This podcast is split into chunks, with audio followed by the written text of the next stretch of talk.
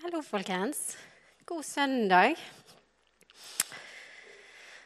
Alltid spennende å tale for egen forsamling. Det må jeg si. Men det er veldig veldig kjekt å eh, være tilbake, kan en si. Og tale på søndagsmøte i forsamlinga. Det har blitt noen UK-andakter gjennom de siste åra. Men veldig veldig kjekt å bli spurt om å tale og si noe forhåpentligvis fornuftig på søndagsmøtet med. Um, også for de som uh, kom til møtet i dag og forventa å høre om søndagens tekst, som Ingvild nevnte, så er det tatt en liten 360 på det i dag. Rett og slett fordi at uh, familiegudstjenesten som var i februar, den handler om det som i dag er søndagens tekst. Så derfor uh, jeg, tok jeg meg den friheten med å si, la meg lede litt om hva tema og tekst jeg ville tale om i dag. Og jeg har på sett og vis kjempa litt med hva temaet skulle være. Eller gått en liten runddans med Gud, kan man si. Eh, og hadde tenkt veldig lenge at jeg skulle tale om ett, en bibeltekst som jeg syntes var litt utfordrende. Og så følte jeg meg litt forvirra når jeg følte igjen og igjen Gud på en måte dytte oppmerksomheten, tankene mine, over på en tekst som jeg kjenner godt, men jeg tror mange andre kjenner godt. Um, og jeg tenkte kanskje var ikke det en litt enkel løsning, da. Men i min erfaring så er ikke det så vitsig å si, være uenig med Gud på sånne ting og diskutere sånne ting. Så når jeg overga meg litt til at det var denne teksten jeg skulle tale om, så senker freden seg betraktelig. Så det er rart hvordan sånne ting skjer. Um, så syns du kanskje at det var et litt uh, en interessant tittel på dagens tekst, eller dagens tale. 'Guds grønne fingre'. Men da jeg sto opp i dag, så ble det veldig tydelig for meg følte jeg, at det i dag passer dagens tittel, dagens tema, for det er jo virkelig vår ute. Jeg regner med det er flere enn meg som er eh, over gjennomsnittet glad for det. Så dagens tale er basert på noen vers fra Johannes 15. Jeg skal være der i dag. Noen vers som mange av oss som sagt, sikkert kjenner godt. Um, handler om vintreet. Så da skjønner du kanskje hvorfor jeg har begynt med denne tittelen. Men før vi eh, dykker dypere ned i de versene, så skal vi be litt sammen igjen. Himmelske Far, vi takker deg for at vi kan våkne opp til en eh, nydelig dag. Takk for at du eh, ser hver enkelt som har gått gjennom dørene i dag, stor og liten. At du kjenner hver enkelt av oss. Jeg ber om at du må åpne hjertene våre for det som du vil fortelle oss i dag. Jeg ber om at det må være utelukkende dine ord som sitter igjen hos oss. Eh, takk for skaperverket, for alle de finurlige detaljene som du har lagt ned, som vi kan undre oss over. Takk for velsignelser, store og små, som vi eh, kan erfare ut i naturen, Jesus. Velsigne talen og møtet videre, Jesus. Amen. Ja, passer veldig fint eh, med sangen dere sang, for det har blitt vår. Ingen tvil om det. Um, når jeg begynte å, å skrive litt på, på, talen i dag, så var det ikke så fint vær. Da skrev jeg at det har blitt vår, i alle fall på kalenderen. skrev jeg. Heldigvis så har det skutt seg bikka over nå til at det føles virkelig som nytt liv er på vei. Um, kanskje kjente du på det i påskeferien du med, når det var fint vær store deler av landet. Um, og det er noe med den stemninga jeg merker det på meg sjøl, merker det på elevene mine. merker det bare sånn, Jeg føler jeg merker det i byen at en blir litt lystigere når det blir mer lys, mer sol, litt høyere temperatur. Du bommer kanskje litt og skulle tatt på deg ekstra jakke, men du tror det er du bor på Østlandet. Eh, og går ut med dungerijakke, men det var ikke helt der. Men generelt så føles livet hakket lettere, vil jeg påstå. Eh, og med våren så kommer dere for veldig mange noen etterlengta prosjekt, vil jeg tro. Hver dag når jeg parkerer utenfor huset, så ser jeg og bare klør litt i fingrene etter å gå litt til angrep på et ugress eller høytrykksspyle noe, eller eh, feie litt og sånn. Så en fær sånn behov for å være litt mer ute. I alle fall jeg. Så våren betyr nytt liv. Eh, naturen som våkner. Og For meg som er lærer så syns jeg at dette her er den beste tida på året å være lærer på. Um, og spesielt kanskje syns jeg det som er lærer for elever som er nye i Norge. Eh, som på en måte du ser eh, mye for første gang med noen helt nye briller. på en måte, Gjennom noen som ser det for første gang. Og jeg syns det er så fascinerende å gå gjennom parkene og fjellene i Bergen. Eh, spesielt kanskje noen av de som har kommet fra veldig varme land. Fra Afrika eller fra Midtøsten, Sør-Amerika og sånn. Som på en måte er så enormt frodig, og de syns det er så fascinerende. Og fuglelyden, knoppene som kommer opp, blomstene som spirer. Alt blir så enormt frodig etter en lang og ofte let's be honest, sur vinter. Um, og skal snakke som sagt om Johannes 15 i dag. Men før oss eh, leser teksten i lag, så skal vi hoppe og ett hakk framover i dagens tekst. Ta med oss en bit fra vers 16. Der står det Dere har ikke valgt meg, men jeg har utvalgt dere og satt dere til å gå ut og bære frukt. Og deres frukt skal vare, slik at alt det dere ber min far om i mitt navn, skal han gi dere. Sist jeg jobba med denne teksten, eh, for noen år siden, så eh, lagde jeg bl.a. en bibelleseplan om Johannes 15. Og det her var, fant jeg ut våren 2020. Og da eh, synes jeg, husker jeg det fikk et sånn her nytt lys, disse versene her. At det var ironisk å lese disse setningene. Satte det til å gå ut og bære frukt. Fordi at oss var så enormt fysisk forhindra til å gå ut på veldig mange måter. Eh, og på sett og vis så har jo noen av disse omstendighetene vedvart de siste åra også. Og for noen krever det kanskje nytt mot, ny frimodighet, til å skulle gjøre akkurat dette her. Men det er en setning som jeg har tatt med meg i forberedelsen til talen, som et lite grunnlag for de andre tingene vi skal snakke om. Og noe jeg må minnes på daglig, at det er ikke først og fremst min streben det står på, for Gud har allerede utvalgt meg, utrusta meg. Og med det på minnet så skal oss hive oss ut i vers 1-8 og lese dagens tekst sammen. Eller 1-11 skal vi lese. Jeg er det sanne vintre, og min far er vinbonden. Hver grein på meg som ikke bærer frukt, tar han bort. Og hver grein som bærer frukt, renser han så den skal bære mer. Dere er alt rene på grunn av det ordet jeg har talt til dere. Bli i meg, så blir jeg i dere. Slik som greinen ikke kan bære frukt av seg selv, men bare hvis den blir på vintreet. Slik kan heller ikke dere bære frukt hvis dere ikke blir i meg. Jeg er vintreet, dere er greinene. Den som blir i meg og jeg i ham, bærer mye frukt. For uten meg kan dere ingenting gjøre. Den som ikke blir i meg, blir kastet utenfor som en grein og visner og greinene blir samlet sammen og kastet på ilden, og de brenner. Hvis dere blir i meg, og mine ord blir i dere, be da om hva dere vil, og dere skal få det. For ved dette blir min far æret, at dere bærer mye frukt og blir mine disipler.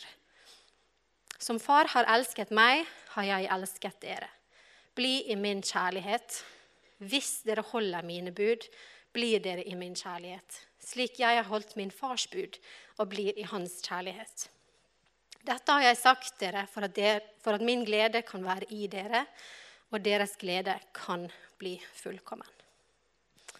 Så har vi der vers 16 igjen. Dere har ikke utvalgt meg, men jeg har utvalgt dere og satt dere til å gå ut og bære frukt, en frukt som varer. Da skal Far gi dere alt dere ber om i mitt navn.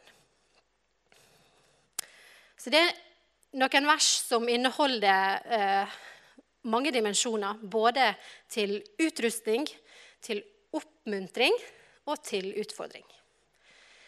Um, så jeg vet det sitter noen hageelskere i salen, så dagens eh, tale den er, den er, til dere. Noen får kanskje klø litt etter å gå hjem og, og dille litt i drivhuset.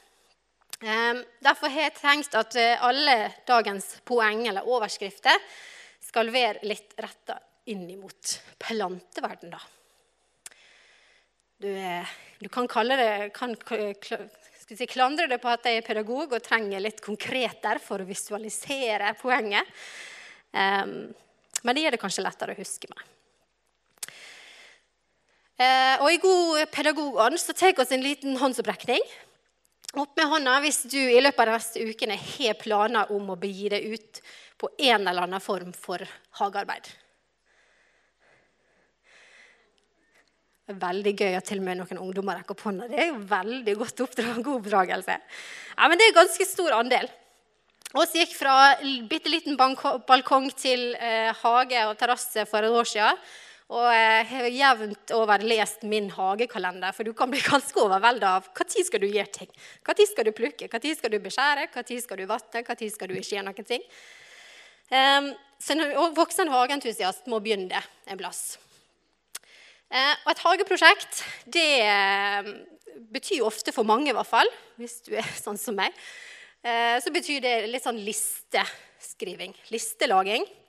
Kanskje skal du en tur på plantasjen og må planlegge at jeg skal ha det, jeg skal ha det, jeg skal ha det. Jeg skal ikke ha det, jeg skal ikke ha det, jeg skal ikke ha det.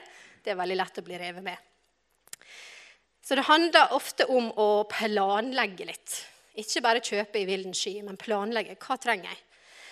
Um, og det gjelder for om du skal ha hageprosjekt.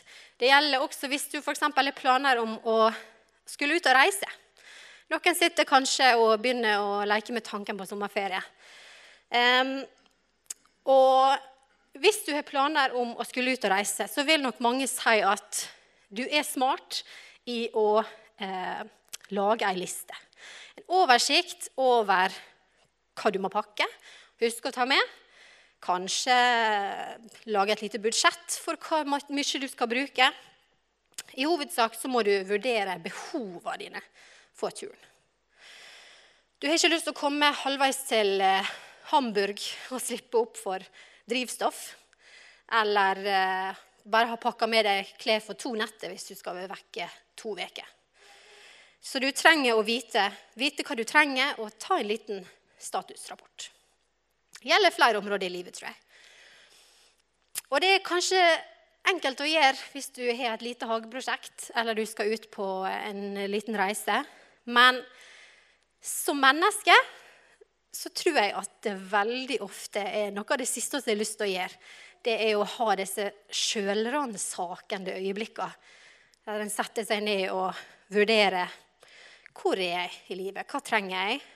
Eh, er jorda mi tørr? Trenger jeg eh, næring? Er det ugress som spirer? Det er ikke uvanlig at oss, vår menneskelige natur, skyr litt sånn sjølransakende situasjoner som det. Eh, og Samtidig så tror jeg at å erkjenne slike ting, å ha den ærligheten foran Gud, er viktig for å forstå prinsippet her som går igjen og igjen og igjen gjennom versene, om å bli i Han. Jeg skal komme litt mer inn på det. Um, jeg har ei venninne som er veldig plantemenneske. For noen år siden skulle oss passe plantene mens de var på ferie, til å få total prestasjonsangst av. Uh, for hun hadde mange titalls planter i en liten 60 kvadratmeters leilighet. Hadde satt små Post-It-lapper Post på de aller fleste plantene for å fortelle meg hvor mye vann skulle denne planten ha. Eh, en halv kopp vann her, en liten dusj i badekaret til den. Bare et lite eggeglass til den. Ehm, det er jo ganske imponerende, eh, og eh, for meg var det nesten litt nervepirrende.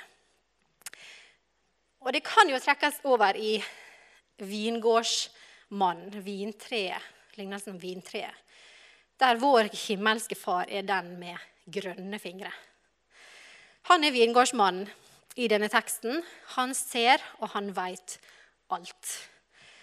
Um, Ikke på en skummel overvåkningskamera-type måte, men Gud ser værmeldinga feilfritt.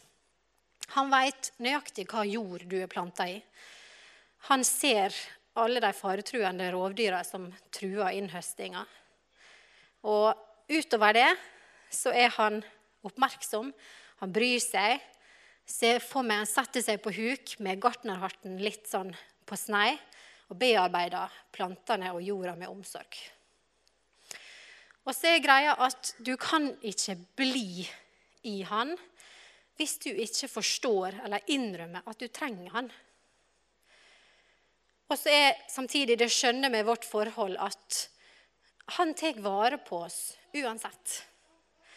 Og vi er sta eller egoistiske eller ydmykende og overgivende, ydmyke og overgivende Når vi er i Kristus, så er vi holdt av Han. Og utover at vi er kontinuerlig holdt og elska av Han, så likevel inviterer Han oss til å ta denne lagertellinga. Til å se på hva deler av hjertet vårt som, eh, og livet vårt som er trengende, og hva vi virkelig har behov for. Er du fysisk sliten? Trenger du helbredelse? Har du ei synd som bør bekjennes, eller kanskje trenger du en oppvekkelse på nytt, som bare han kan gi? Jeg tror mange kan kjenne på en eller flere av slike ting, eh, spesielt kanskje i disse dager, disse åra som har gått så så idet vi går over i del to, så utfordrer jeg deg til å sette ord på hva du virkelig trenger. Det er ikke sikkert du tar tid til å gjøre akkurat det i hverdagen. La Gud vise deg hvor du er tørst eller tørr eller brukket. Hebreerne 4,15 sier for vi har ikke en øverste prest som ikke kan lide med oss i vår svakhet, men en som er prøvet i alt på samme måte som vi, men uten synd.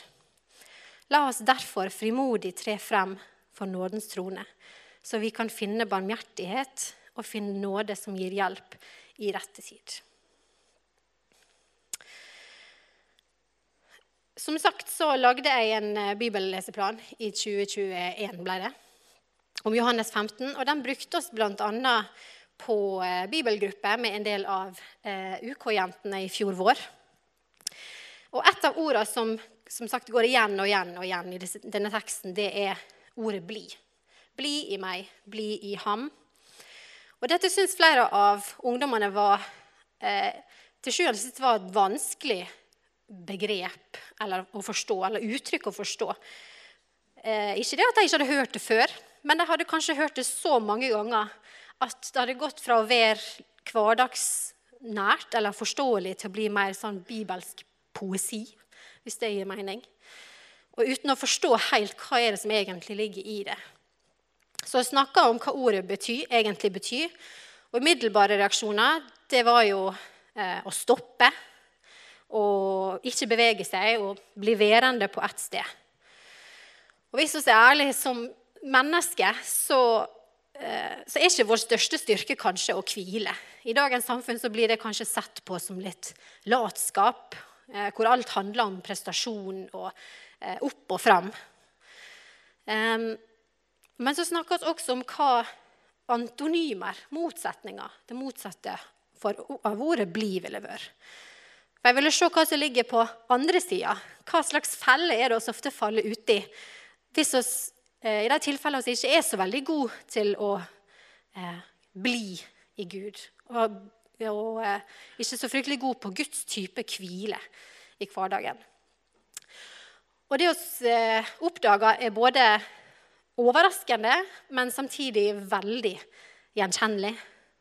Å gå videre, skynde seg, holde tritt og kjempe. Og det er ikke nødvendigvis skitne ord er det vel? Altså, I livet så må vi som oftest gå videre. Og av og til så må vi kjempe for det som er rett, og det som er nødvendig. Eh, og Det merker oss kanskje nå mer enn noen annen gang i forhold til trua vår. Men i denne sammenhengen så betyr ikke 'bli' å gi opp eller slutte nødvendigvis, eller gå ned for telling. Det betyr at oss går videre, oss holder følge, oss kjemper. Eh, men med Gud og i Hans kraft. Vi øser Guds sannhet over våre liv og går videre fullt klar over at Gud går sammen med oss.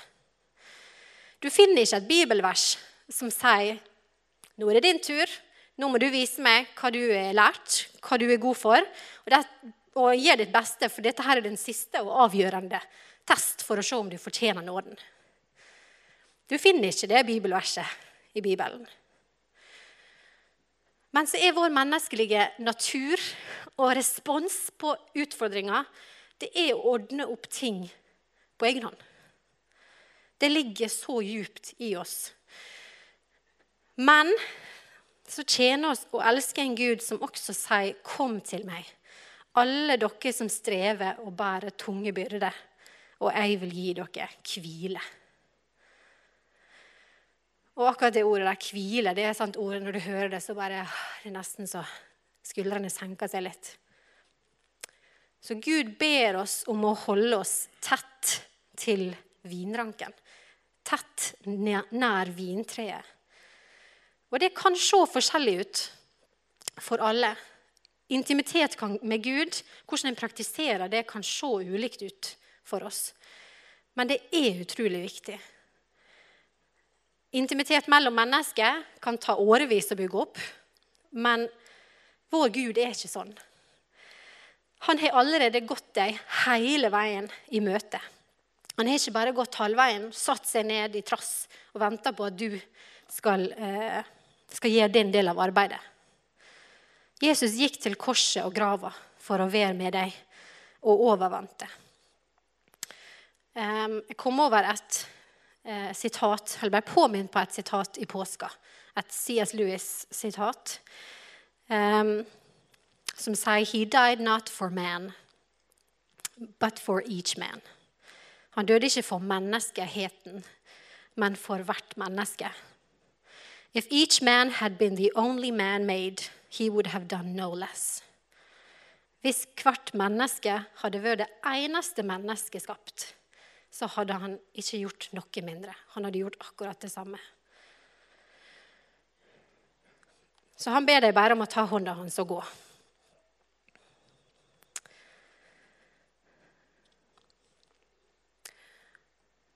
Velkommen beskjæring. Det er kalt del tre. Og Jeg tror det er en del av eh, dagens tekst som har fått litt dårlig rykte.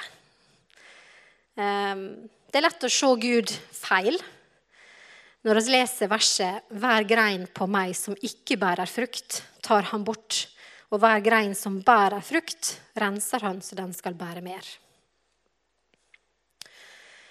Jeg tror at eh, Lenge tenkte jeg at dette her var en sånn skummel type lignelse.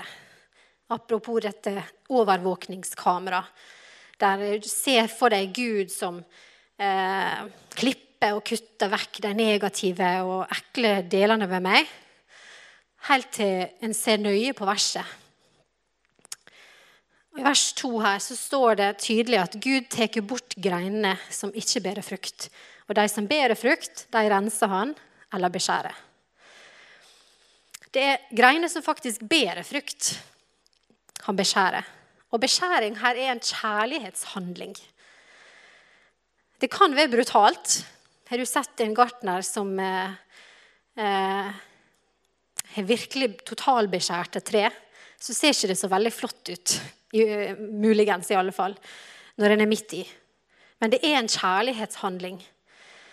Det er de gode tinga, de som vokser, de som eh, bærer frukt, han beskjærer. Og Det tok en liten svipptur innom plantasjen.no for å lese litt om beskjæring. Slik lykkes du. For å virkelig forstå hva denne renselsen handler om. Der står det svart på hvitt grunnregelen er at de fleste friske trær og busker kan beskjæres nesten når som helst gjennom året, med unntak av våren, når de vokser mest. Hensikten med beskjæring er oftest at vi ønsker å gi veksten en viss form eller størrelse, eller at vi vil den skal gi større avling eller flere blomster. Gud fascinerer meg med alt han har lagt til rette i denne verden, og spesielt i naturen. Så for å trekke bildet tilbake til teksten Gud står ikke over oss nedlatende, hendene kryssa og øyenbryna skuffa, klar for å kutte vekk alt det som ikke strekker til. Som jeg sa tidligere, så ser jeg for meg Gud med gartnerhatten som kjærlig klipper og kutter vekk det som er nødvendig for at vi skal få mer sollys og bedre søtere frukt. Så Hittil så har vi både identifisert hvem som tar vare på oss, eh, satt intensjonen om å holde oss nær til Jesus og bli hos han mens vi går framover. Men er oss villige til å åpne armene i tillit og la han beskjære det som er nødvendig? Kanskje trenger vi en justering i livet for å kunne forstå hvor essensielt det er å holde seg nær vintreet gjennom hele livet. Det er ikke nødvendigvis en behagelig prosess. Og en av utfordringene til oss som mennesker er vårt forhold til tid. At vi ser bakover og strekker oss lengter framover. Og så forsvinner ofte det som skjer her og nå. Og det er for vårt eget beste at han sørger for hvile der oss lett kunne bare durt på i vår egen styrke. Så beskjæring handler bl.a. om å vise Gud, gi den tilliten til at han kan få være gartneren og ta seg av det som trengs. Og legge livet tillitsfullt i hans hender.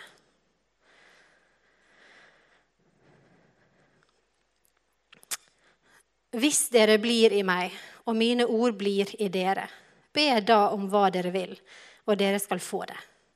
For ved dette blir min far æret, at dere bærer mye frukt og blir mine disipler. Jeg elsker at det er både mysterium og sannhet eh, i det å gå livet sammen med Jesus. Vi vet at han elsker oss, men det kan være ganske vanskelig å forstå. Vi vet at han hjelper oss med å vokse, men åndelig vekst kan være ganske vanskelig å måle og å se. Og til og med all denne, all dette pratet om åndens frukt og bedre frukt kan bli litt uklart etter en stund. Så da minner han meg på at selv om Gud kan virke mystisk, så er han aldri forvirrende eller ustabil. Det er ikke noe vi fortjener eller utvikler på egen hånd. Det er rent Guds utrolige nåde som kommer inn i våre liv. Og forandrer gamle ting til nye ting. Vinter til vår. Han har lova å gjøre døde og tørre og tørste delene av livet vårt fruktbart og levende igjen. Kanskje trengte du at noen minte deg på det i dag. Kanskje har ikke våren kommet helt enda for deg. Av og til så trenger jeg det.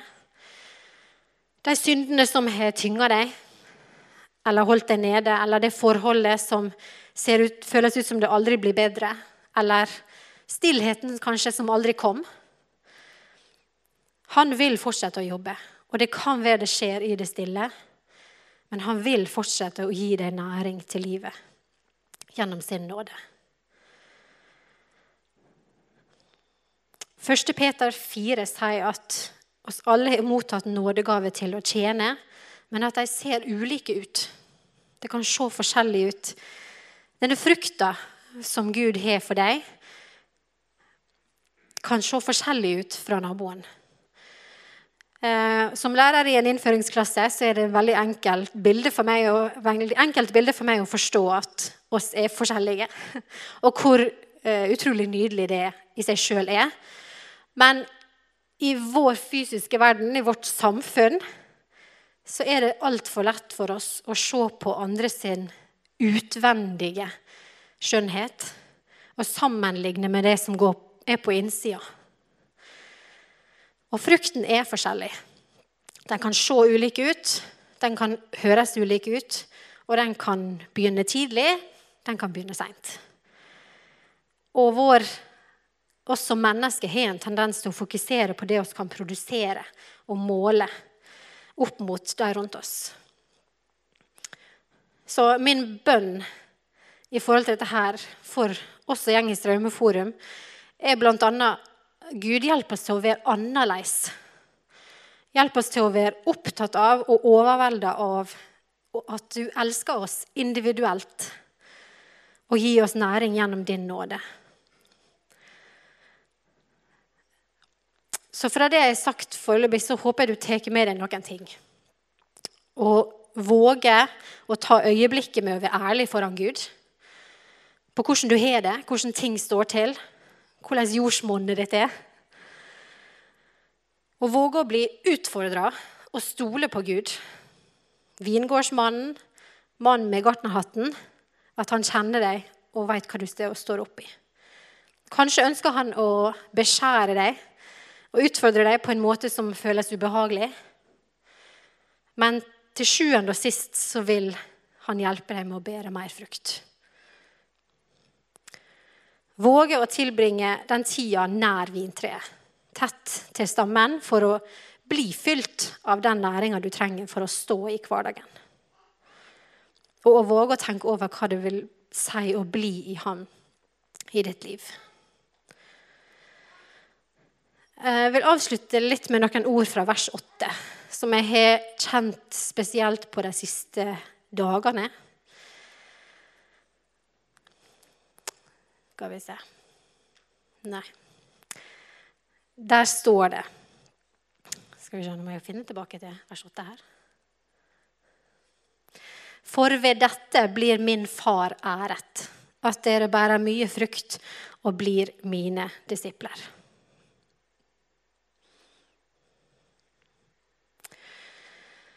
En bønn for forsamlinga vår. For sitt navns skyld. Les oss igjen og igjen flere plasser i Bibelen. For sitt navns skyld. Og Det blir ofte en sånn bisetning som forsvinner blant resten av eh, budskapet. Hvis vi tar Salme 23, f.eks., så er det lett å tenke at denne salmen handler om oss. At det handler om meg. Herren er min hyrde. Jeg mangler ikke noe. Han lar meg ligge i grønne enger. Han leder meg til vann der jeg finner hvile. Han gir meg nytt liv. Han fører meg på rettferdighetsstier. Det høres ut som det handler om meg. Det høres ut som det er jeg som er i fokus her. Gud vil meg godt, og det er jo helt sant. Men igjen så blir vi gjort litt ydmyke i møte med Gud. Ja, Gud elsker oss. Ja, han sørger for oss. Han verner oss. Ja, han er for oss. Men det kan føles brutalt for oss, siden vi liker å tenke at verden handler om oss mennesker. Guds motivasjon for alt dette er for at hans navn skal løftes opp. Han fører meg på rettferdighetsstier for sitt navns skyld.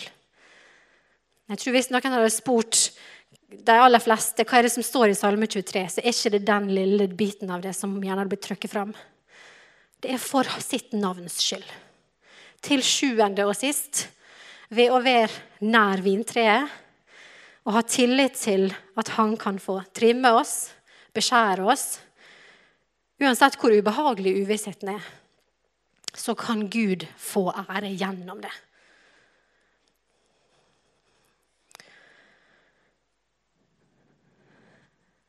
Og skal be. Far, takk for at eh, du er gartneren som tar vare på alle dine. Du veit, og du ser, og du kjenner oss alle. Takk for at du ønsker å gå gjennom hverdagen tett sammen Hjelp oss å dra oss nær til deg. Hjelp oss å holde oss nær til deg. Hjelp oss til å ha et nært, ærlig og sårbart forhold til deg, Gud, med full tillit. Takk for alt du har vist oss i ditt ord, i naturen. Jeg ber om at eh, denne våren kan oss ha en, en ny vekkelse i oss, Jesus. i vårt forhold til deg. I ditt gode navn. Amen.